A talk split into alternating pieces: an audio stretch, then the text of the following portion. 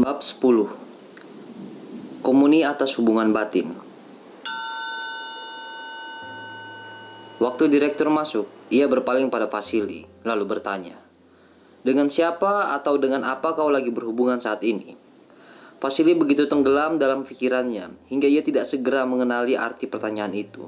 Saya, tanyanya hampir-hampir tak disadari. Ah, tidak dengan siapa-siapa atau apa pun, Kau betul-betul luar biasa, kata direktur berkelakar. Kalau kau bisa berada dalam keadaan seperti itu untuk waktu yang lama. Vasili mencoba membenarkan perbuatannya dengan mengatakan pada Torsov bahwa karena tidak ada yang melihat padanya atau menegur dia, maka ia tidak bisa berhubungan dengan siapa pun. Kini Torsov yang keheranan-keheranan. Maksudnya, katanya, harus ada orang yang memandang padamu atau berbicara dengan kau untuk berhubungan dengan kau. Coba kau katupkan matamu dan telingamu, hening, dan sudah itu coba periksa dengan siapa kau lagi mengadakan hubungan batin. Coba usahakan satu detik saja di mana kau tidak berhubungan dengan apa pun. Aku lalu mencoba dan mencatat apa yang terjadi dalam batinku. Aku mencoba membayangkan kejadian malam yang lalu waktu aku mendengarkan sebuah kuarter. Gesekan yang termasyur, lalu aku mengikuti perbuatanku, selangkah demi selangkah. Aku masuk ke ruangan depan, aku memberi salam pada beberapa orang kawan. Sudah itu aku mencari tempat duduk dan memperhatikan pemain-pemain musik itu menyetem alat musik mereka. Mereka bermain dan aku menyimak, tapi aku tidak berhasil mengadakan hubungan emosional dengan mereka. Aku berkesimpulan bahwa dalam arus komuni antara aku dan lingkungan terdapat suatu jurang. Tapi direktur menyanggal hal itu dengan tegas. Bagaimana mungkin katanya, Kau melihat suatu masa di mana kau lagi mendengarkan musik sebagai sebuah lembaran kosong. Karena biarpun saya mendengarkan kataku, saya betul-betul sama sekali tidak mendengarkan musik. Dan biarpun saya berusaha untuk memasuki artinya, saya tidak berhasil. Hingga saya merasa bahwa hubungan tidak ada sama sekali. Persatuan dengan musik dan penerimaanmu terhadap musik belum lagi mulai. Karena proses pengantarnya belum lagi diselesaikan hingga pikiranmu terganggu olehnya. Jika hal itu sudah diselesaikan, maka kau akan menyerahkan dirimu seluruhnya pada musik atau mengarahkan perhatian pada sesuatu yang lain. Pokoknya, kontinuitas hubungan dengan sesuatu tidak pernah terputus-putus. Mungkin juga, kataku mengakui, lalu aku mencoba mengenang kembali. Tapi kusadari aku membuat gerakan yang rupa-rupanya menarik perhatian pengunjung konser yang duduk di sampingku. Sudah itu aku duduk dengan tenang, lalu pura-pura mendengarkan musik tapi sebetulnya aku sama sekali tidak mendengarkan karena aku sibuk memperhatikan apa yang terjadi di sekitarku. Mataku berkelana ke arah Torsov dan aku melihat bahwa ia sama sekali tidak melihat gerakan-gerakanku yang tidak disengaja itu. Aku melihat ke sekeliling, mencari Sutov yang lebih tua, tapi baik dia maupun aktor-aktor teater kami lainnya tidak ada yang hadir. Lalu aku mencoba menggambarkan seluruh penonton, tapi waktu itu perhatianku begitu terpecah-pecah sehingga aku tidak mengendalikan atau mengarahkannya. Musik yang diperdengarkan menantang bermacam-macam khayalan. Aku memikirkan tetanggaku, keluargaku yang tinggal jauh di kota lain, dan tentang sahabatku yang sudah meninggal. Kemudian direktur menjelaskan padaku bahwa semua muncul dalam pikiranku karena aku merasa perlu membagi pikiran dan perasaanku dengan objek-objek renunganku atau menyerap mereka dari objek-objek tersebut. Akhirnya, perhatianku tertarik pada lampu kadelir yang tergantung di atas. Lalu aku merenung lama sekali tentang lampu-lampu itu. Saat itu menurut keyakinanku, tentulah saat yang kosong karena biar bagaimanapun kita bolak-balik, tidak bisa kita katakan saat aku memandang lampu-lampu itu suatu bentuk hubungan atau percakapan.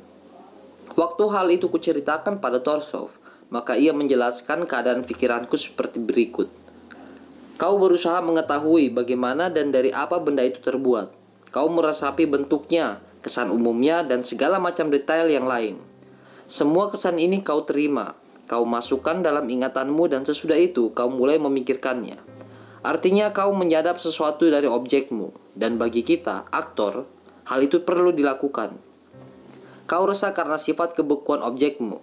Setiap lukisan, Patung, potret seorang kawan atau sebuah objek dalam museum adalah beku, tapi ia mengandung sebagian dari kehidupan seniman yang menciptakannya.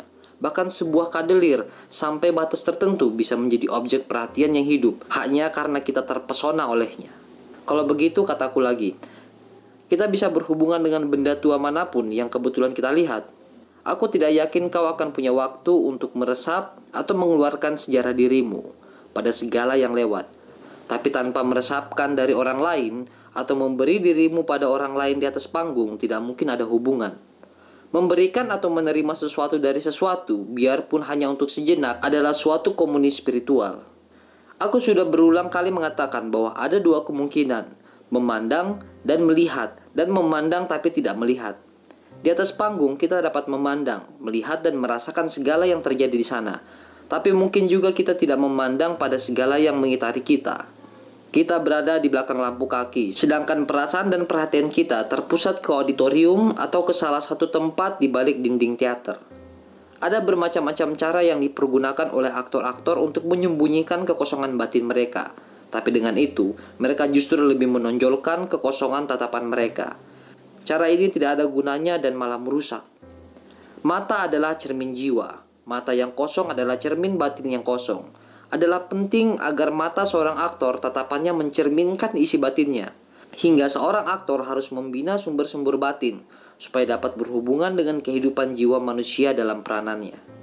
Selama ia berada di atas panggung, sumber batin ini harus ia bagi dengan aktor-aktor lain dalam melakon itu.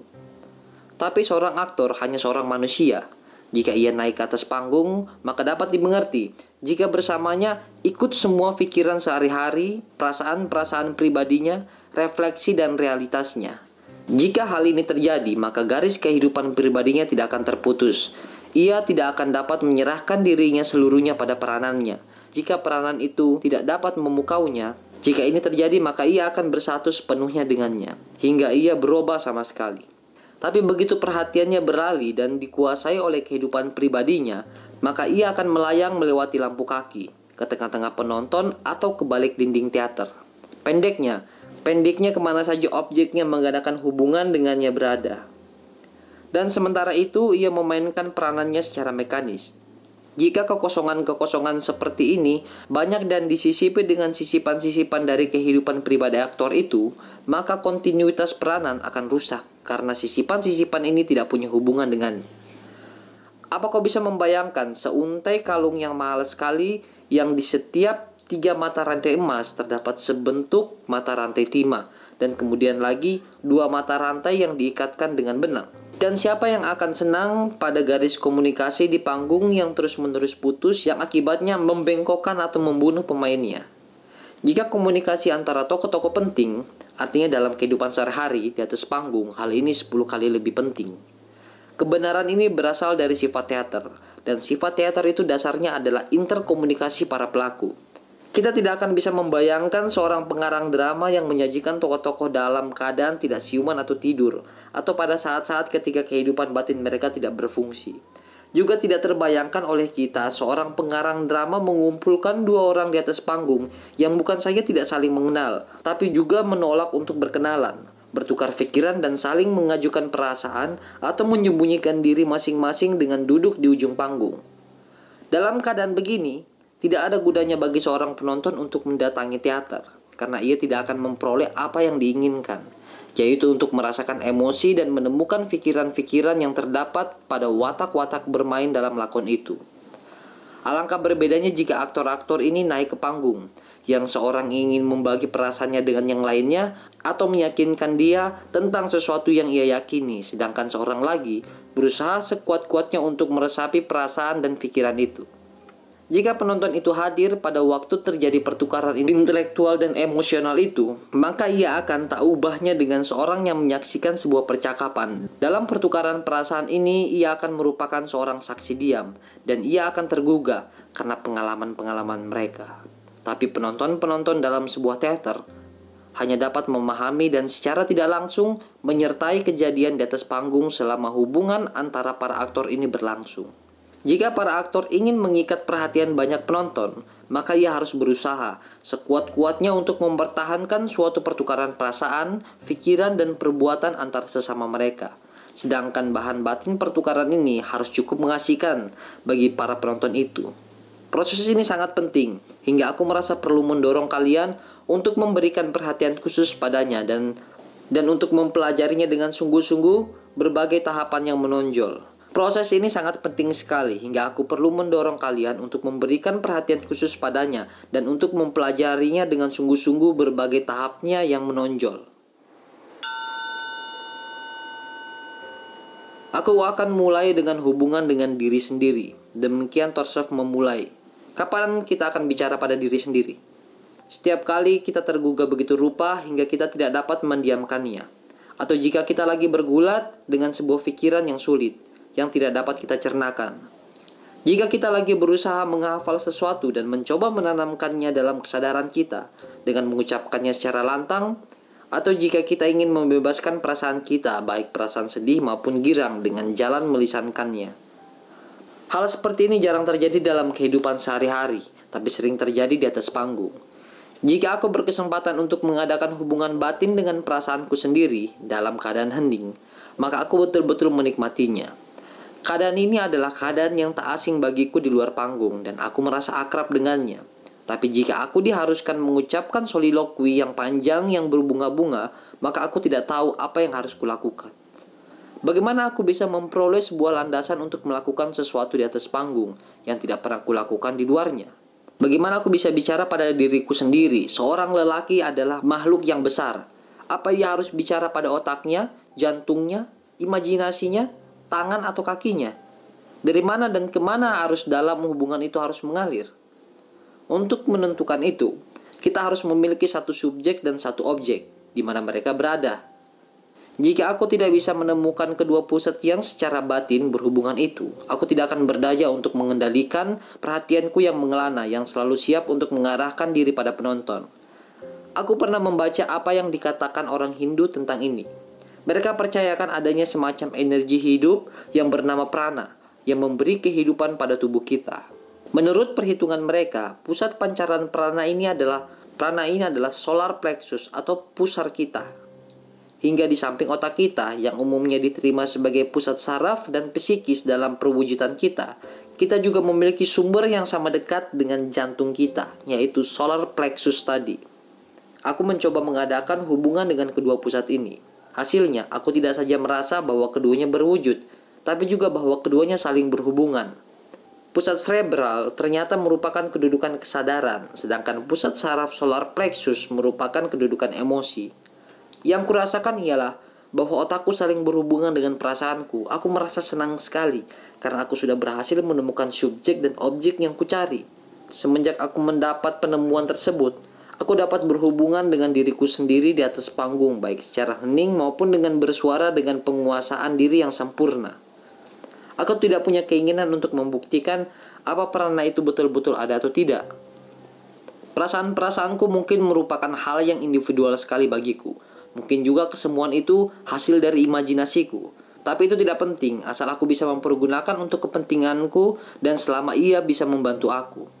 Jika metode praktis dan tidak ilmiahku ini ada gunanya bagimu, maka syukurlah. Jika tidak, aku tidak akan memaksamu. Setelah diam sebentar, Torsov berkata, Proses saling berhubungan dengan rekan kita dalam sebuah adegan tidak sulit untuk dicapai. Tapi juga dalam hal ini, kita berhadapan dengan suatu kesulitan. Misalkan salah seorang di antara kalian berada di atas panggung bersama aku dan kita saling berhubungan secara langsung. Tapi aku tinggi sekali. Perhatikan aku. Aku punya hidung, lengan, kaki, dan tubuh yang besar.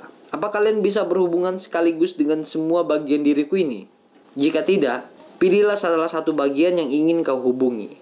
Mata, kata seorang lalu menambahkan, karena mata itu cermin jiwa.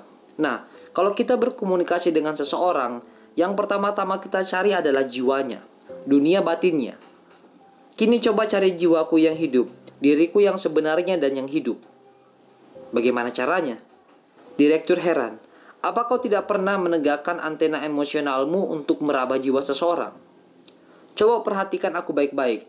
Coba fahami dan tangkap suasana hatiku. Ya, begitu caranya. Kini coba katakan bagaimana aku. Ramah, penuh perhatian, lembut, hidup, dan menarik. Dan kini, aku memperhatikannya dengan baik-baik lalu tiba-tiba yang kudapatkan bukan Torsov lagi, tapi Famusov, tokoh terkenal dalam celaka karena terlalu bijak. Dengan tanda-tanda yang terdapat di telinganya, matanya yang luar biasa polos, bibir yang tebal, tangan yang gemuk, dan gerakan-gerakan lunak seorang tua yang suka memperturutkan kehendak hatinya. Kini dengan siapa kau berhubungan? Tanya Torsov dengan suara Famusov. Tentu saja dengan Famusov. Lalu ke mana Torsov? Katanya, mengalihkan perhatian pada dirinya. Kalau kau tidak mengarahkan perhatianmu pada hidung atau tangan Famusov yang telah kurubah dengan suatu metode teknis, tapi pada jiwa yang terdapat di dalamnya, kau akan melihat bahwa tidak ada yang berubah. Aku tidak bisa melemparkan jiwaku dan menyewa yang lain sebagai pengganti. Rupa-rupanya aku telah gagal untuk mengadakan hubungan dengan jiwa yang hidup. Dalam hal ini dengan apa kau berhubungan? Justru itu yang menjadi pertanyaan bagiku. Aku mencoba mengingat perubahan apa yang telah dialami oleh perasaanku sendiri waktu objekku berubah dari Torsov menjadi Famusov. Bagaimana perasaan-perasaan ini beralih dari rasa hormat yang ditimbulkan oleh yang satu kepada ironi dan senyum lapang dada yang dicetuskan oleh yang lainnya. Tentu saja aku sudah berhubungan dengan batinnya, tapi hal itu bagiku tidak begitu jelas. Kau berhubungan dengan seorang makhluk baru, demikian ia menjelaskan, yang bisa kau sebut Famusov Torsov atau Torsov Famusov. Nanti metafora seorang artis kreatif yang menakjubkan seperti ini dalam hal ini akan kau fahami. Untuk sementara, cukuplah kau mengerti bahwa orang selalu berusaha untuk mencapai objek-objek yang hidup dan bahwa kita tidak bisa berurusan dengan hidung atau mata atau kancing baju seperti yang dilakukan oleh sebagian aktor di atas panggung. Jika dua orang telah mengadakan hubungan yang akrab, maka akan terjadilah hubungan timbal balik yang wajar. Aku berusaha untuk memberikan pikiranku padamu dan aku berusaha untuk menjadap sebagian dari pengetahuan dan pengalamanku. Tapi itu tidak berarti bahwa hubungan telah terjadi secara timbal balik. Kata Gracia membantah. Anda sebagai subjek memancarkan tanggapan-tanggapan Anda pada kami, tapi kami sebagai objek hanya sekedar menerima. Apa yang timbal balik dalam hal ini? Coba katakan apa yang kau lakukan pada saat ini, jawab Torsov. Apa kau bukannya memberi jawaban padaku? Bukankah kau mengutarakan kesangsianmu dan mencoba meyakinkan aku? Itulah pertukaran perasaan yang kau cari-cari. Sekarang memang, tapi waktu Anda bicara tadi, kata Grisha bersuara keras. Saya tidak melihat perbedaannya, jawab Torsov. Tadi kita saling bertukar pikiran dan perasaan dan kini kita masih melanjutkan pekerjaan itu. Jelas sekali dalam suatu hubungan timbal balik, memberi dan menerima terjadi secara bergantian. Tapi juga di saat aku berbicara dan kau hanya mendengarkan, aku sadar akan kesangsianmu, ketidaksabaranmu, keherananmu, dan keresahanmu semuanya sampai padaku. Kenapa aku meresapkan perasaan-perasaan itu dari kau? Karena kau tidak bisa menyimpannya, Biarpun kau diam, di antara kita berdua ada pertemuan perasaan.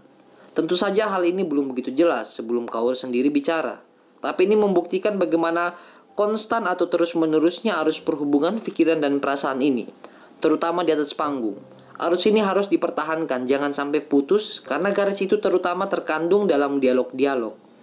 Cuma sayang sekali, arus yang tidak terputus-putus itu jarang sekali kita temukan. Kebanyakan aktor kalau sadar pun mereka akan hal ini hanya mempergunakannya kalau mereka harus mengucapkan dialog mereka. Jika aktor yang satu mulai mengucapkan kalimatnya, maka yang kedua tidak lagi mendengarkan atau berusaha meresapkan apa yang diucapkan oleh lawan bicaranya.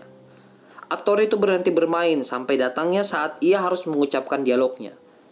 Kebiasaan seperti ini akan merusak hubungan terus-menerus karena hubungan ini tergantung dari memberi dan menerima perasaan, baik waktu kita mengucapkan dialog maupun memberi jawaban terhadap dialog yang diucapkan. Bahkan sewaktu diam, mata masih melanjutkan percakapan. Hubungan-hubungan sepotong-sepotong seperti itu salah.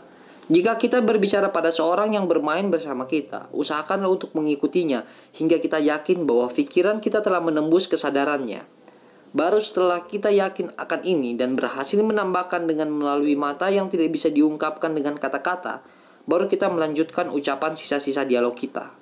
Sebaliknya, kita harus belajar setiap kali sebagai sesuatu yang baru, menangkap kata-kata dan pikiran kawan kita bermain.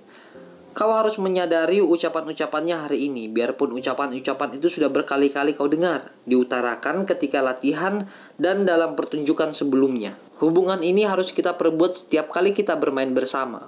Hal ini memerlukan perhatian terpusat yang besar, teknik dan disiplin artistik. Setelah berdiam diri sebentar, direktur berkata bahwa kini kami akan berlatih pada telaah tahap baru. Hubungan dengan suatu objek imajiner, tidak real dan tidak berwujud, like makhluk halus. Ada orang yang menipu diri sendiri dengan mengira bahwa mereka betul-betul bisa melihatnya. Mereka menghabiskan tenaga dan perhatian untuk mencapai itu. Tapi seorang aktor yang berpengalaman tahu bahwa soal tidak terletak pada makhluk halus itu sendiri, tapi pada hubungan batinnya dengannya. Oleh karena itu, ia berusaha untuk memberikan jawaban yang jujur pada pertanyaannya sendiri. Apa yang harus kulakukan jika hadapanku muncul makhluk halus? Ada aktor terlebih-lebih aktor yang baru mulai yang memakai objek imajinernya jika mereka bekerja di rumah karena mereka tidak memiliki objek yang hidup. Perhatian mereka diarahkan pada usaha untuk meyakinkan diri mereka sendiri akan perwujudan suatu makhluk yang tak berwujud dan bukan saja pada persoalan apa yang akan merupakan objektif batin mereka. Jika mereka membina kebiasaan buruk ini, maka tanpa mereka sadari mereka akan membawa cara yang sama ke atas panggung dan akhirnya menjadi tidak terbiasa dengan objek yang hidup. Mereka menciptakan objek-objek yang tidak hidup di antara diri mereka dan kawan mereka bermain. Kebiasaan yang berbahaya ini kadang-kadang begitu berakar hingga melekat pada mereka seumur hidup. Alangkah tersiksanya jika kita harus bermain dengan seorang aktor yang memandang pada kita, tapi melihat orang lain, yang tak berhenti-hentinya berusaha menyesuaikan diri dengan orang lain itu, dan bukan dengan kita. Aktor-aktor seperti itu terpisah dari orang-orang yang sebetulnya harus berhubungan dengan akrab. Mereka tidak menampung kata-kata kita, intonasi kita, ataupun apa pun juga. Mata mereka seolah-olah bercadar jika memandang pada kita. Hindarkan cara-cara yang berbahaya dan membunuh ini. Ia bisa bersarang dalam diri kita dan sulit sekali dimusnahkan. Apa yang harus kita lakukan jika kami tidak memiliki objek yang hidup? Tanyaku. Tunggu sampai ada. Kalian akan melakukan latihan-latihan begitu rupa hingga kalian bisa berlatih dalam kelompok-kelompok dua orang atau lebih. Ulangi sekali lagi, kalian jangan melakukan latihan komunikasi selain dengan objek yang hidup dan di bawah pengawasan orang yang ahli. Yang lebih sulit lagi ialah mengadakan hubungan dengan objek kolektif, dengan kata lain dengan penonton. Tentu saja hal ini tidak bisa dilakukan secara langsung. Kesulitannya terletak dalam kenyataan bahwa kita sekaligus berhubungan dengan kawan kita main dan dengan penonton. Dengan kawan kita main, hubungan kita bersifat langsung dan sadar, sedangkan dengan yang terakhir, sifatnya tidak langsung, tak sadar. Tapi dengan keduanya, hubungan kita merupakan hubungan timbal balik. Paul menolak dan berkata, Aku bisa memahami jika hubungan antara aktor bersifat timbal balik, tapi hubungan antara aktor dan penonton yang timbal balik bagiku tidak masuk akal. Penonton itu harus memberikan suatu pada kita, tapi dalam kenyataannya, apa yang kita peroleh dari penonton? Tepuk tangan dan kembang. Bahkan ini pun baru kita terima setelah pertunjukan usai. Bagaimana halnya dengan ketawa, air mata, tepuk tangan, sorak, desis selama pertunjukan berlangsung, apakah itu tidak masuk perhitungan? Aku akan ceritakan sebuah kejadian yang dapat menjelaskan maksudku. Waktu pertunjukan Matin, lakon burung biru untuk anak-anak. Waktu pertunjukan Matin, lakon burung biru untuk anak-anak. Dan kami sampai pada adegan pengadilan anak-anak oleh pepohonan dan hewan-hewan. Terasa olehku ada seseorang yang muncul aku. Kulihat, yang melakukan itu ternyata seorang anak burung 10 tahun. Katakan pada mereka bahwa kucing mendengarkan. Ia pura-pura bersembunyi, tapi aku dapat melihatnya. Bisik sebuah suara kecil yang penuh kekhawatiran, yang merisaukan Metil dan Telitil. Aku tidak dapat meyakinkan dia. Oleh karena itu, anak kecil itu merangkak ke tempat lampu-lampu kaki, lalu berbisik pada aktor-aktor yang memainkan peranan kedua anak itu dan memberi tahu mereka tentang bahaya yang mengancam mereka. Apa itu bukan reaksi yang real? Kalau kau ingin belajar menghargai apa yang kau peroleh dari penonton, kusulkan supaya kau bermain dengan sebuah ruangan yang betul-betul kosong. Apa kau mau melakukan itu? Tidak. Karena bermain tanpa penonton sama dengan menyanyi di suatu tempat tanpa resonansi. Bermain di hadapan penonton yang banyak dan simpatik sama dengan bernyanyi dalam ruangan yang memiliki akustik yang sempurna. Bagi kita, penonton adalah akustik batin kita. Mereka mengembalikan apa yang mereka terima dari kita dalam bentuk emosi manusia yang hidup. Oleh permainan tipe konvensional dan dangkal, masalah hubungan dengan objek kolektif ini dipecahkan dengan cara yang sangat bersahaja. Misalnya, lawakan-lawakan Prancis kuno. Dalam lakon ini, para aktor berbicara pada penonton. Mereka langsung berdiri di tengah lalu menyampaikan pendapat-pendapat pribadi secara singkat. Atau kadang-kadang mereka pidato dengan panjang lebar untuk menjelaskan jalan cerita. Hal ini dilakukan dengan suatu keyakinan yang mengesankan rasa percaya diri dan kekenasan luar biasa. Memang kalau kita ingin mengadakan hubungan langsung dengan penonton, sebaiknya penonton itu dikuasai. Ada lagi aspek lain. Berhadapan dengan adegan-adegan orang banyak, kita harus mengadakan hubungan langsung dan akrab dengan objek massa. Kadang-kadang kita mengarahkan itu daripada individu-individu di antara orang banyak itu. Pada kesempatan lain, kita harus merangkul keseluruhannya dalam bentuk saling hubungan yang diperhalus. Kenyataan bahwa mayoritas dari mereka yang menyertai adegan orang-orang banyak itu merupakan orang-orang yang beraneka ragam, hingga mereka menyumbangkan emosi dan pikiran yang serba beragam dalam saling hubungan ini, membuat proses ini lebih intensif lagi juga kualitas mereka sebagai kelompok, mencetuskan temperamen setiap komponen anggota dan sekaligus dari mereka semua. Hal ini menggairahkan tokoh-tokoh utama dan kejadian ini memberikan kesan yang dalam pada penonton.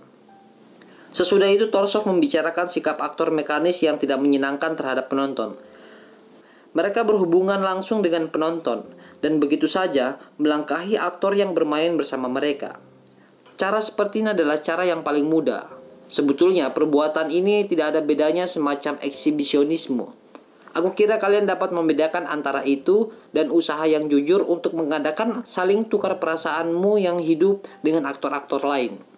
Antara proses yang sangat intensif ini dan gerakan-gerakan teatral yang mekanis terdapat perbedaan yang besar sekali. Keduanya saling bertentangan dan merupakan kebalikan masing-masing. Kita bisa menerima segala macam tipe kecuali tipe teatral dan juga setuju jika kalian mempelajarinya biarpun dengan maksud untuk mengatasinya. Sebagai penutup, sedikit tentang prinsip aktif yang menjadi dasar proses komunikasi. Ada orang yang mengira bahwa gerakan-gerakan yang bersifat lahiria dan bisa dilihat merupakan manifestasi kegiatan, sedangkan tindakan-tindakan hubungan batin yang bersifat batin dan tak bisa dilihat bukan. Pendapat yang salah ini sama sekali disesali karena setiap manifestasi kegiatan batin itu penting dan sangat berharga. Oleh karena itu, belajarlah menghargai hubungan batin, karena ia merupakan salah satu dari sumber-sumber yang paling penting bagi perbuatan. Jika kita ingin bertukar pikiran dan perasaan dengan seseorang, maka kita harus menawarkan sesuatu yang pernah kita alami sendiri. Demikian direktur memulai. Dalam keadaan biasa, hidup menyediakan ini. Bahan ini tumbuh dalam diri kita secara spontan dan hidup dalam keadaan lingkungan. Tapi untuk teater hal ini berbeda. Dan perbedaan ini menimbulkan suatu kesulitan baru. Kita diharapkan mempergunakan perasaan dan pikiran yang diciptakan oleh seseorang pengarang drama. Menyerap bahan spiritual ini lebih sulit daripada memainkan bentuk-bentuk lahiria dari pasi yang tidak ada dengan cara-cara teater kuno. Ada lebih sulit untuk berhubungan dengan kawan main kita daripada menampilkan diri sebagai seorang yang lagi berhubungan dengannya. Para aktor senang sekali pada jalan yang paling mudah dan karena itu dengan senang hati mengganti hubungan sejati dengan tiruan-tiruan biasa. Hal ini patut memperoleh pemikiran kita karena aku ingin kalian mengerti, melihat dan merasa apa yang mungkin sekali kita pancarkan pada penonton sebagai pertukaran pikiran dan perasaan. Lalu direktur naik ke atas panggung dan memainkan sebuah adegan lengkap dengan suatu cara yang menunjukkan bakat dan penguasaan teknik teater yang luar biasa. Ia memulai membicarakan sajak. Kata-kata sajak itu ia ucapkan dengan tergesa-gesa, efektif, tapi tak begitu ditangkap, hingga tidak ada yang kami pahami. Bagaimana komunikasiku dengan kalian? Karena kami tidak berani mengeritik dia, maka ia mempertanyakan sendiri. Maka ia mempertanyakan sendiri. Buruk sekali. Ku menggumam berapa kata, yang kusebarkan seperti butir-butir kacang tanpa mengetahui betul apa yang kuucapkan. Ini adalah materi tipe pertama yang sering kali disajikan pada penonton sebagai landasan untuk satu hubungan, udara kosong. Baik arti maupun penggunaan kata-katanya sama sekali tidak dibekali pemikiran. Satu-satunya yang dikejar di sini ialah efektivitas. Sesudah itu ia umumkan bahwa ia akan mengucapkan soliloquy dari babak terakhir Figaro. Kali ini permainannya memperlihatkan keajaiban yang terdiri dari gerakan-gerakan, intonasi, perubahan, ketawa merangsang, diksi yang bening, kata-kata cepat, lekuk-lekukan suara yang cemerlang dan getaran yang mengagumkan. Semuanya mengagumkan. Kami tidak dapat menahan diri untuk bertepuk tangan. Secara teater semuanya begitu efektif, tapi kami sama sekali tidak menanggapi isi batin soliloquy itu karena kami tidak mengerti ucapan-ucapannya. Kini bagaimana hubungan dengan kalian? Tanyanya lagi. Lagi-lagi kami tidak bisa menjawab. Aku memperlihatkan diriku sendiri dalam sebuah peranan. Demikian jawab Torsov menggantikan kami. Dan untuk itu, aku mempergunakan soliloquy Figaro, Kata-katanya, gerakan-gerakannya, pendeknya segala yang menyertainya. Aku tidak memainkan peranan itu sendiri, tapi aku memamerkan diriku dalam peranan dan semua perbekalanku, raut tubuhku, mukaku, gerakan-gerakan tanganku, pose, manerism, caraku melangkah, suara, diksi, kebijakanku, intonasi, temperamen teknik, semuanya kupamerkan kecuali perasaan. Bagi mereka yang diberkati alat-alat lahiriah yang mengesankan, tidak sulit untuk melakukan apa yang barusan kulakukan. Biarpun suaramu menggetar, biarpun lidahmu mengucapkan kata-kata dan kalimat dengan tekanan yang cukup, perlihatkan pose yang plastis, maka kau akan menghasilkan efek yang menyenangkan. Aku bermain sebagai seorang Sri Panggung di sebuah kafe musik, tanpa melepaskan pandanganku dari kalian untuk mengetahui apa yang kuperlihatkan itu bagus atau tidak. Aku merasa bahwa aku betul-betul barang dagangan dan kalian pembelinya. Ini adalah contoh kedua dari cara bermain yang tidak boleh kita ikuti, biarpun bentuk eksibisionisme seperti ini sering dipakai dan sangat populer sekali. Ia melanjutkan pembicaraannya dengan memberikan contoh ketiga. Barusan kalian melihat bagaimana aku memamerkan diriku sendiri. Kini akan kuperlihatkan sebuah peranan sebagaimana ia disajikan oleh pengarang. Tapi ini tidak berarti bahwa aku akan menghidupkan peranan itu. Inti permainan ini tidak terletak dalam perasaanku, tapi dalam pola, kata-kata, tarikan-tarikan wajah lahiriah, gerakan-gerakan tangan, dan gerakan-gerakan lainnya. Aku tidak akan menciptakan peranan ini, aku hanya sekedar menyajikan dalam bentuk lahiriah. Ia memainkan sebuah adegan di mana seorang jenderal penting kebetulan berada di rumah seorang diri tanpa kesibukan. Karena bosan, ia memberikan kursi-kursi begitu rupa hingga kelihatannya seperti prajurit-prajurit sedang parade. Lalu semua yang terdapat di atas meja ia susun dengan baik. Sesudah itu, ia mencoba mengingat sesuatu yang menimbulkan gairahnya. Kemudian ia memandang dengan rasa kesal pada tumpukan korespondensi yang ada di atas meja. Ia menandatangani beberapa surat tanpa membacanya terlebih dulu. Ia menguap, meregang diri, dan kemudian kembali asik seperti tadi. Sementara itu, Torsov mengucapkan teks soliloquy dengan terang sekali tentang kemuliaan orang yang berkedudukan tinggi dan kebodohan orang lain. Soliloquy itu ia ucapkan dengan cara yang dingin, tanpa melibatkan diri, dan menekankan bentuk lahir adegan itu tanpa berusaha menghidupkannya atau memberinya kedalaman. Di tempat tertentu, teks itu ia ucapkan dengan ketegasan teknis, sedangkan tempat lain, ia garis bawahi posenya, gerakan tangannya, permainannya, atau ia beri tekanan-tekanan khusus pada beberapa detail dari karakterisasinya. Sementara itu, ia memperhatikan penontonnya, lewat sudut mata untuk mengetahui apa yang ia lakukan itu sampai atau tidak pada penonton. Jika tiba saatnya, ia harus beristirahat, maka istirahat itu ia perpanjang-panjang. Serupa sekali dengan yang dilakukan aktor yang sudah merasa bosan kalau mereka memainkan sebuah lakon yang secara teknis ditulis dengan baik untuk ke-500 kalinya. Pendeknya sama saja dengan kalau ia menjadi sebuah gramofon atau proyektor film yang memutar sebuah film terus-menerus. Kini, yang tinggal ialah contoh cara dan alat yang tepat yang dapat dipergunakan dalam mengadakan suatu hubungan antara panggung dan penonton. Kalian sudah sering melihat aku mendemonstrasikannya. Kalian tahu bagaimana aku selalu berusaha untuk mengadakan hubungan langsung dengan kawanku bermain, untuk menyampaikan perasaan-perasaanku sendiri sesuai dengan perasaan watak yang harus kumainkan yang selebihnya. Kini kalian akan kuuji Aku akan memberi tanda dengan membunyikan lonceng jika antara kalian terdapat hubungan yang tidak benar. Hubungan yang tidak benar artinya kalian tidak mengadakan hubungan langsung dengan objek kalian. Bahwa kalian memamerkan peranan atau diri pribadi kalian, atau bahwa kalian sudah mengucapkan dialog-dialog kalian secara tanpa keterlibatan pribadi. Semua kesalahan itu akan diberitahu dengan bunyi lonceng. Ingat, hanya ada tiga tipe yang dapat kuterima secara diam-diam. Satu, komunikasi langsung dengan objek di atas panggung dan komunikasi tak langsung dengan penonton. 2. Hubungan dengan diri sendiri. 3. Hubungan dengan objek imajiner atau yang tidak hadir secara nyata. Ujian dimulai. Paul dan aku mengira kami sudah bermain baik, hingga kami betul-betul heran ketika kami sering betul kena lonceng. Yang lain-lain juga diuji dengan cara yang sama. Gracia dan Sonya adalah yang terakhir, dan kami mengira direktur akan membunyikan lonceng terus-menerus, Nyatanya lonceng itu lebih jarang berbunyi daripada yang kami perhitungkan. Waktu kami tanyakan padanya kenapa, ia menjelaskan.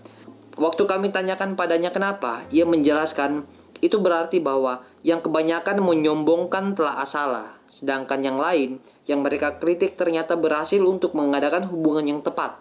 Dalam kedua hal ini, soalnya hanyalah soal persentase. Tapi kesimpulan yang harus diambil ialah bahwa tidak ada hubungan yang seluruhnya benar atau seluruhnya salah. Karya seorang aktor adalah sesuatu yang bersifat campur aduk. Di dalamnya ditemukan saat-saat yang baik dan saat-saat yang buruk.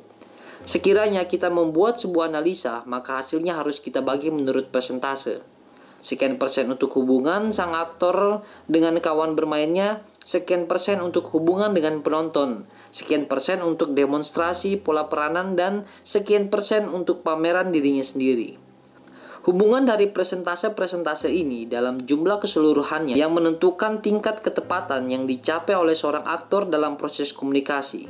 Ada aktor yang mencapai angka lebih tinggi untuk hubungan dengan kawan mereka bermain.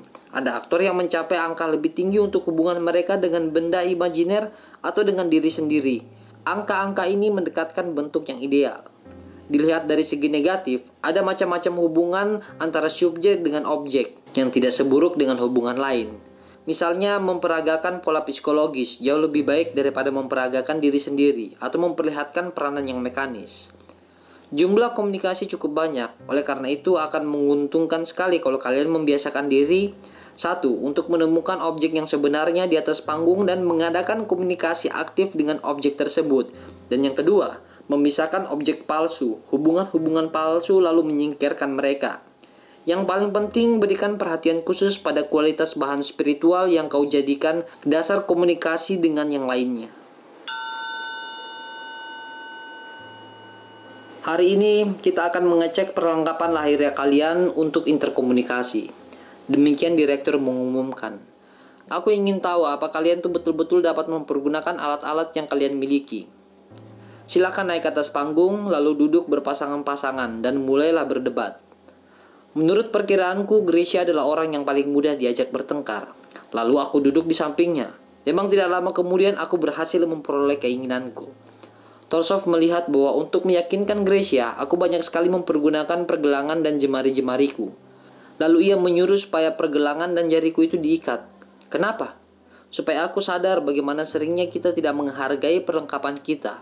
Aku ingin supaya aku yakin bahwa mata itu cermin jiwa, sedangkan ujung jari itu mata tubuh. Demikian ia menjelaskan. Karena aku tidak lagi dapat mempergunakan tanganku, aku memperkeras suaraku.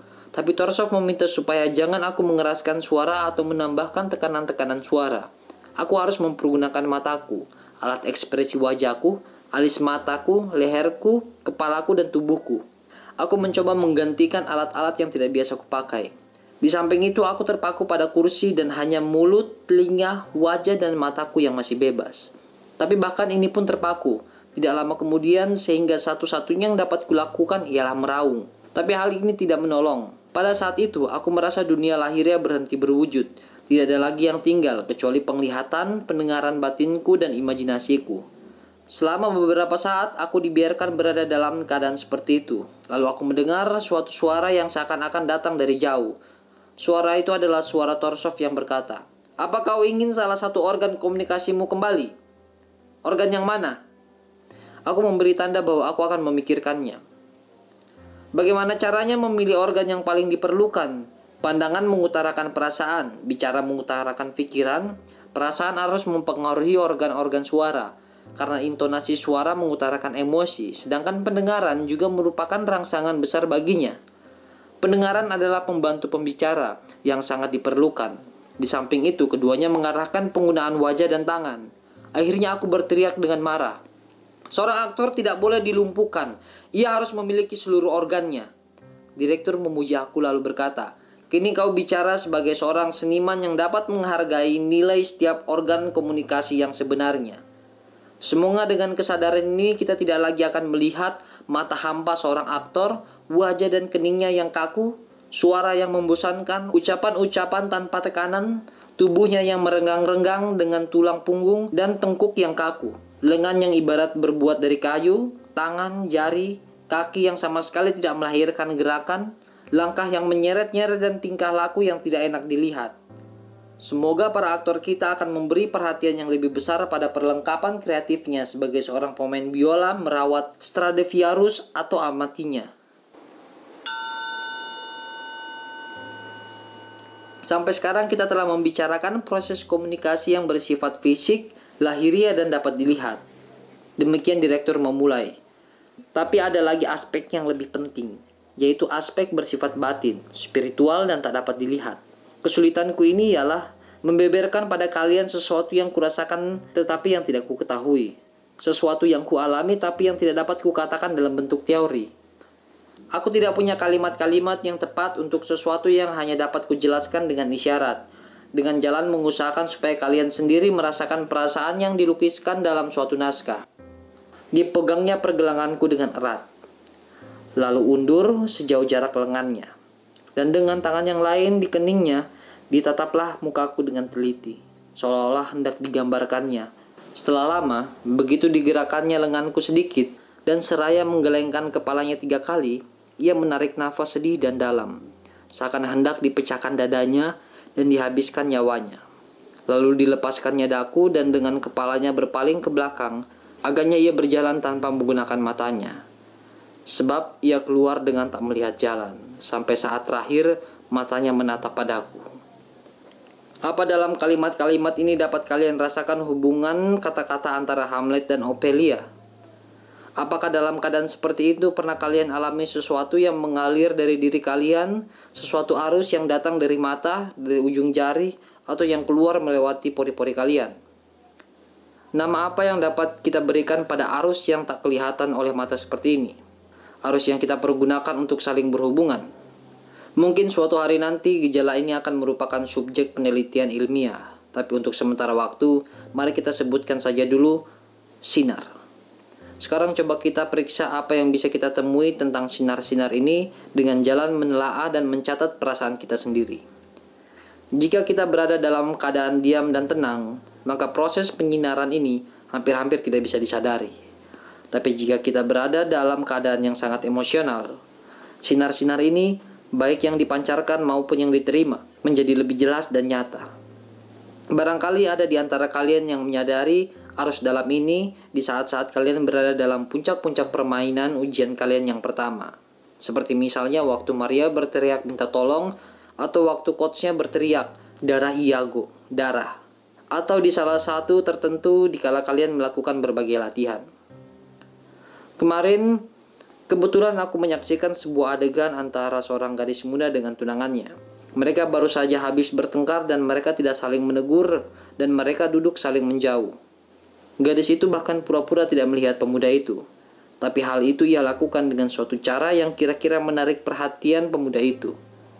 Sang pemuda duduk membatu dan memandangi gadis itu dengan mata memohon. Ia mencoba melihat ke mata gadis itu untuk menerka perasaannya. Ia mencoba mengetahui isi sukmanya dengan antena yang tak kelihatan. Tapi gadis yang marah itu menolak semua usahanya untuk berkomunikasi. Akhirnya si pemuda itu berhasil menangkap pandangan gadis itu waktu ia mengerling padanya. Kerlingan ini bukannya menghibur dia, tapi membuat dia lebih murung. Setelah beberapa saat, pemuda itu pindah ke tempat lain, supaya ia bisa memandang langsung pada gadis itu. Ia memegang tangan gadis itu, menyentuhnya dan memancarkan arus perasaannya padanya. Dalam kejadian ini, tidak ada kata-kata, tidak ada ucapan, tidak ada pengutaran muka, gerakan tangan, atau tindakan lain. Komunikasi ini adalah komunikasi langsung dalam bentuk yang paling murni. Mungkin para sarjana dapat menjelaskan fitrah dari proses yang tidak kelihatan ini.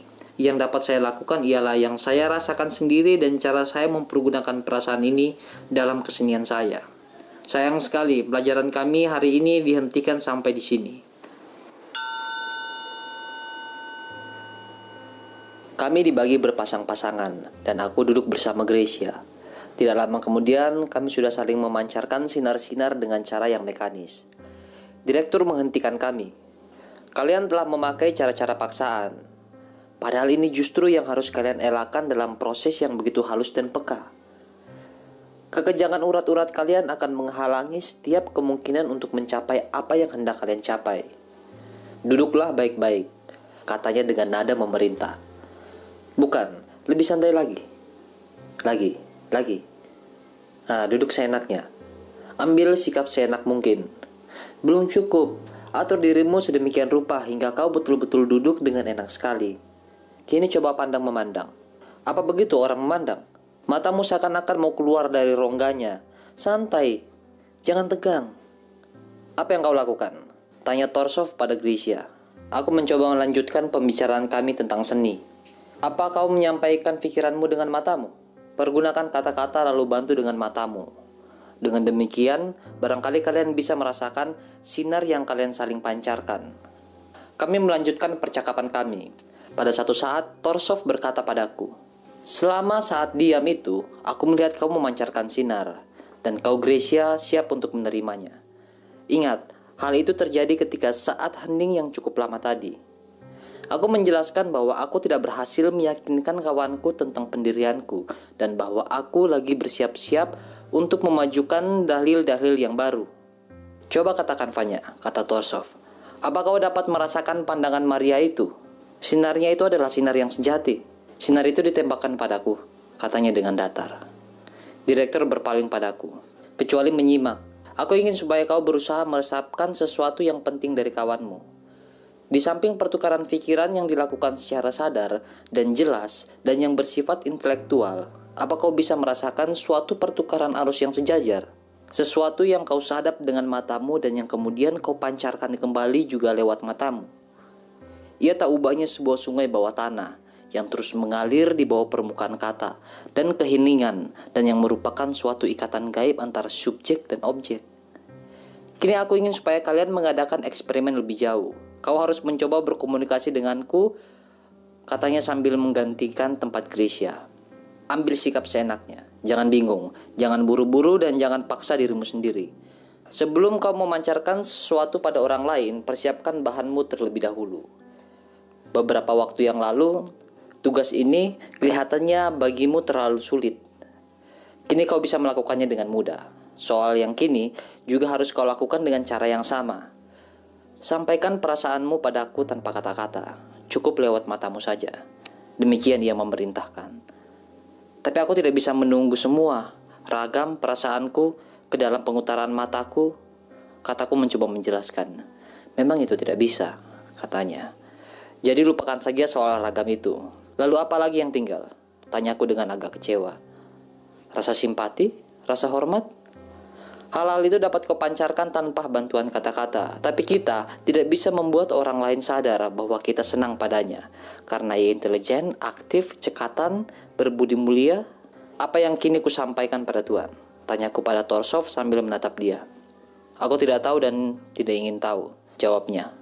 Kenapa tidak? Karena kau memandang Nana padaku. Jika kau ingin supaya aku merasakan maksud perasaanmu yang umum, kau harus menghayati apa yang hendak kau sampaikan padaku apa kini Anda mengerti? Aku tidak bisa menyampaikan perasaanku dengan lebih jelas. Kataku, entah kenapa tapi kau memandang rendah padaku. Apa sebabnya? Tidak mungkin bisa ku ketahui kalau tidak kau jelaskan dengan kata-kata. Tapi itu tidak penting. Apa kau ada merasakan sesuatu arus yang mengalir dari dirimu dengan bebas? Rasanya ada di mataku. Jawabku lalu aku mencoba merasakan rasa itu kembali. Tidak. Kali ini yang kau pikirkan ialah Bagaimana caranya untuk mendorong arus itu keluar? Urat-uratmu jadi tegang, dagu dan lehermu merenggang dan matamu mulai melotot. Yang kuinginkan darimu bisa kau laksanakan dengan cara yang lebih mudah, lebih bersahaja dan lebih wajar.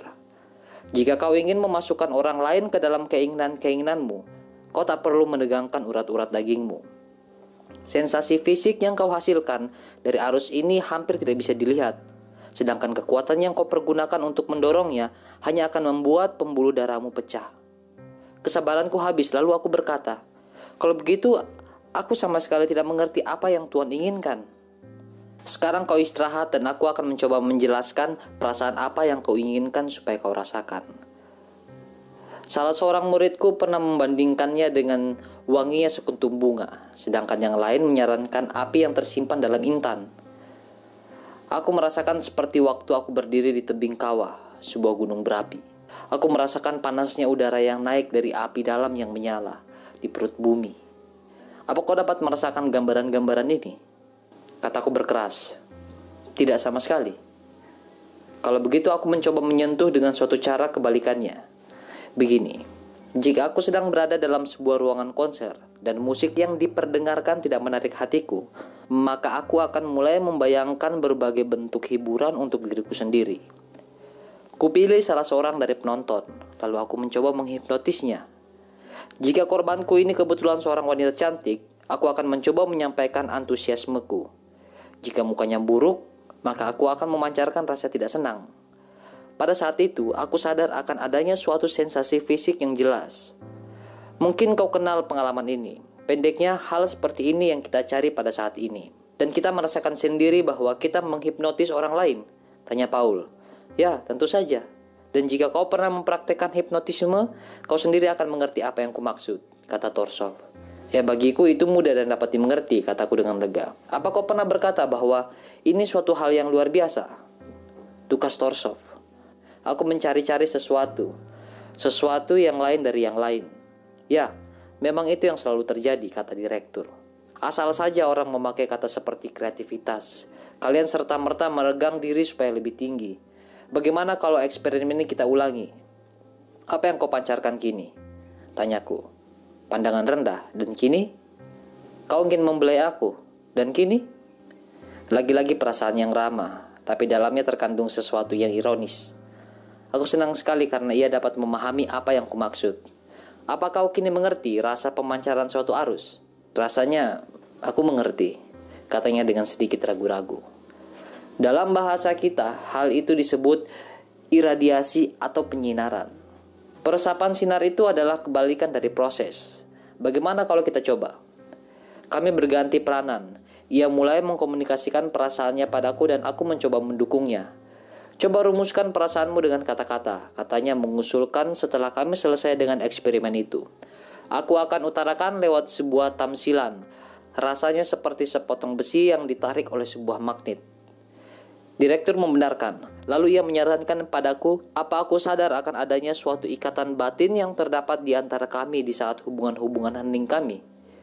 Rasanya memang begitu, kataku. Jika kau dapat mempertahankan suatu rantai yang panjang dan terus-menerus dari perasaan seperti itu, maka pada suatu saat ia akan menjadi begitu kuat hingga kau akan berhasil memperoleh apa yang kita sebut genggaman. Maka pemancaran dan peresapan akan jadi lebih kuat, lebih tajam dan lebih gamblang. Waktu kami meminta, ia menjelaskan lebih lanjut apa yang ia maksud dengan genggaman. Ia berkata, itu adalah suatu yang dimiliki oleh seekor anjing bulldog di rahangnya. Para aktor juga harus memiliki kekuatan yang sama untuk merangkul dengan mata, telinga, dan semua indera kita Seketika seorang aktor harus menyimak, maka ia harus melakukannya dengan penuh kesungguhan. Jika ia harus membaui sesuatu, maka ia harus membauinya dengan penuh kekuatan. Jika ia harus melihat kepada sesuatu, maka ia harus betul-betul mempergunakan matanya. Tapi tentu saja semua ini harus dilakukan tanpa urat tegang. Waktu aku memainkan adegan Otelo, apa aku dapat memperlihatkan genggaman itu? Tanyaku. Ada sekali dua kali, kata Torsov. Tapi itu tidak terlalu penting. Seluruh peranan Otelo memerlukan genggaman yang lengkap. Untuk sebuah lakon yang bersahaja, kita hanya memerlukan genggaman biasa. Tapi untuk sebuah karya Shakespeare, genggaman kita itu harus mutlak. Dalam kehidupan sehari-hari, kita tidak memerlukan genggaman yang mutlak. Tapi di atas panggung, apalagi kalau kita memainkan sebuah tragedi, maka genggaman seperti itu merupakan keharusan. Cobalah buat perbandingan. Sebagian besar dari kehidupan kita, kita habiskan untuk kegiatan-kegiatan yang tidak penting. Kita bangun, kita tidur, kita melakukan pekerjaan rutin yang untuk kebanyakan mekanis sifatnya. Bahan seperti ini bukanlah bahan yang kita pakai dalam teater, tapi juga ada nokta-nokta ketakutan, kegembiraan luar biasa, pasi yang tinggi dan pengalaman yang luar biasa. Kita ditantang untuk berjuang untuk kemerdekaan, untuk satu cita-cita, untuk kehidupan kita dan untuk hak-hak kita. Bahan seperti inilah yang dapat kita pakai di atas panggung. Untuk pengutaraannya, untuk pengutaraannya kita memiliki genggaman lahiria dan batinia yang kuat. Genggaman bukan berarti usaha fisik yang luar biasa. Artinya lebih dari itu. Aktivitas batin yang lebih besar. Seorang aktor harus belajar terpukau oleh sesuatu masalah yang menarik dan kreatif di atas panggung. Jika ia dapat menumpahkan seluruh perhatian dan daya kreatifnya untuk itu, maka ia akan berhasil memperoleh genggaman yang sejati. Aku akan ceritakan sebuah kisah tentang seorang pelatih binatang. Aku akan ceritakan sebuah kisah tentang seorang pelatih binatang. Ia punya kebiasaan untuk pergi ke Afrika dan memilih monyet-monyet yang hendak ia latih. Maka di satu tempat dikumpulkannya lah sejumlah besar monyet dari monyet-monyet itu yang dipilih paling cocok untuk tujuannya. Bagaimana caranya melakukan pilihan? Dipilihlah setiap ekor monyet, lalu dicobanya menarik perhatian binatang itu pada suatu benda. Selembar setengah cerah misalnya, yang ia lambai-lambaikan di depannya. Atau suatu alat mainan yang mungkin menarik bagi binatang itu, karena bunyi atau warnanya. Lalu setelah perhatian hewan itu terpusat pada benda tersebut, maka dialihkannya perhatian binatang itu pada suatu yang lain, pada sebatang rokok atau sebutir kacang misalnya.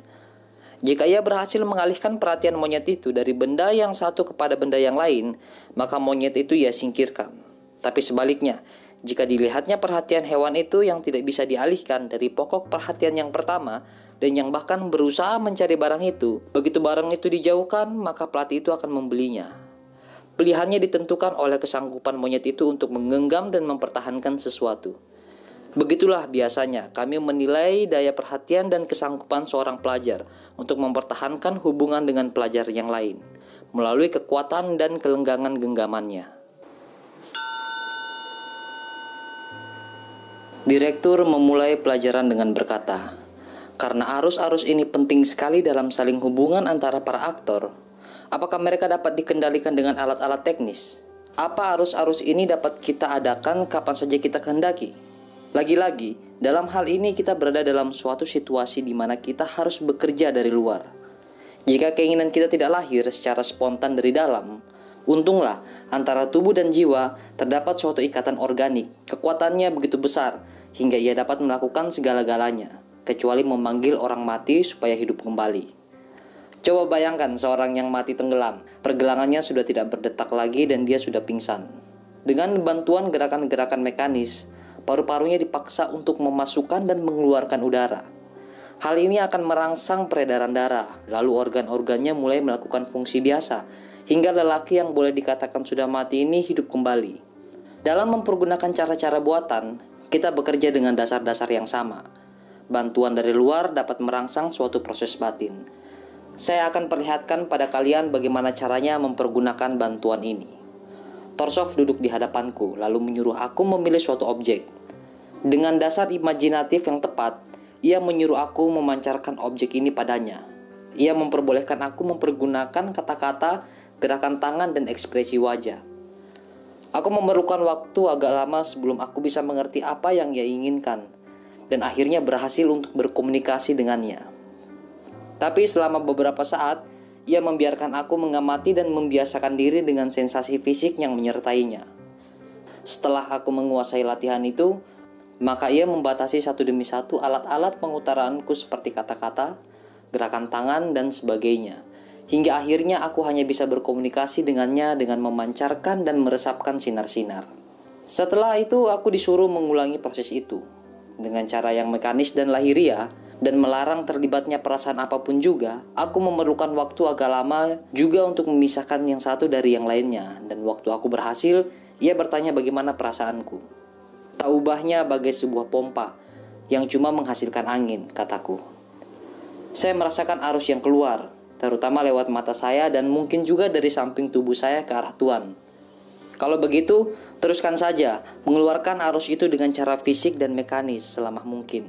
Perintahnya. Tidak lama kemudian, aku menyerah dalam melakukan apa yang kusebut pekerjaan yang tak berarti sama sekali. Kalau begitu kenapa tidak kau beri arti? Tanyanya. Apa perasaan-perasaanmu tidak menumpuk dan mendesak untuk membantu? Dan apa ingatan emosimu sama sekali tidak menyarankan suatu pengalaman yang dapat kau pergunakan sebagai bahan yang dapat kau pancarkan keluar? Tentu saja, kalau akan harus melanjutkan latihan mekanis bagi saya. Akan susah sekali untuk tidak mempergunakan sesuatu untuk menjadi pendorong kegiatan saya. Saya memerlukan dasar untuk pekerjaan saya ini. Kenapa tidak kau pancarkan saja apa yang kau rasakan pada saat ini? Kejengkelan? Keputusasaan atau sesuatu sensasi yang lain? Demikian Torsov mengusulkan. Aku mencoba memancarkan kejengkelanku dan keputusasaanku padanya. Mataku seolah-olah berkata, Jangan ganggu aku lagi. Kenapa kau paksa-paksa juga? Kenapa aku harus kau siksa? Bagaimana perasaanmu sekarang? Tanya Torsov. Kali ini aku merasa seolah-olah pompa itu menghasilkan sesuatu di samping udara. Jadi akhirnya pemancar sinarmu secara lahiriah yang tak berarti itu memperoleh arti dan tujuan juga. Lalu ia berpindah kepada latihan-latihan lain mengenai penerimaan sinar. Prosedur ini adalah proses kebalikan dari yang tadi, dan aku hanya akan melukiskan suatu aspek baru.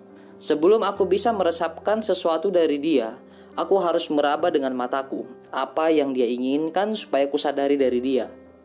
Hal ini memerlukan penelitian yang sungguh-sungguh. Aku harus mencari jalan masuk ke dalam perasaannya dan kemudian membuat hubungan dengannya. Sesuatu yang dalam kehidupan biasa merupakan hal yang wajar dan intuitif. Tidak mudah dikerjakan dengan bantuan cara-cara teknis, kata Torsov.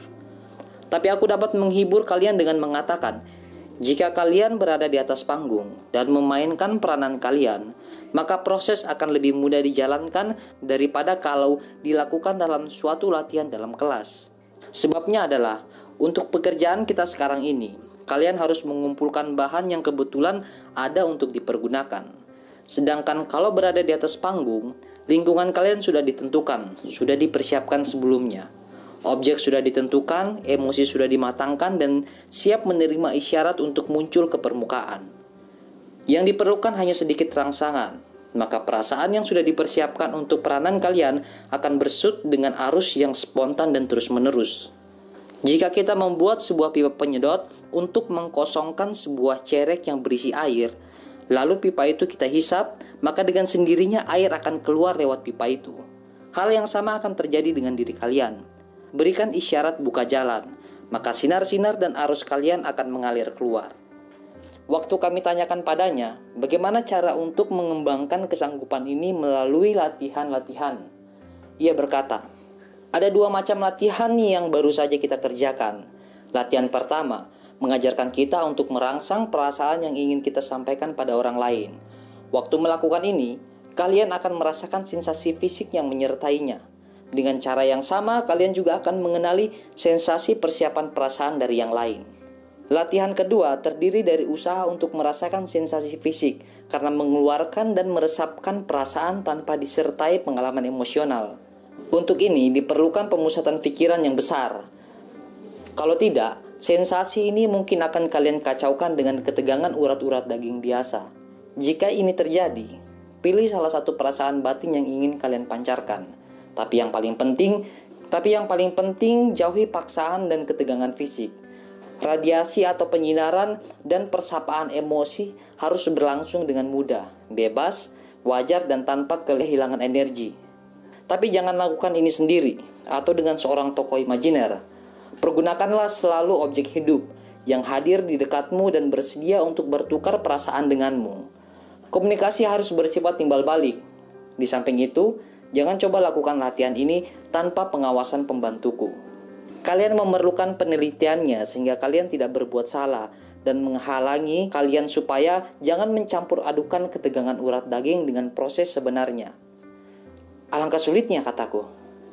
Sulit untuk melakukan sesuatu yang sebetulnya normal dan wajar, kata Torsov. Kau kilaf. Segala yang biasa dapat dilakukan dengan mudah. Yang lebih sulit dilakukan adalah sesuatu yang bertentangan dengan alam. Pelajari hukum-hukumnya dan jangan lakukan sesuatu yang tidak wajar. Semua tahap pertama pelajaran kita bagi kalian terasa sulit. Pengunduran urat, pemusatan pikiran, dan yang selebihnya tapi kini itu semua sudah menjadi bagian dari sifat kalian. Kalian mestinya gembira karena kalian telah mempercaya Kalian mestinya gembira karena kalian telah memperkaya perlengkapan teknis kalian dengan rangsangan komunikasi yang sangat penting ini.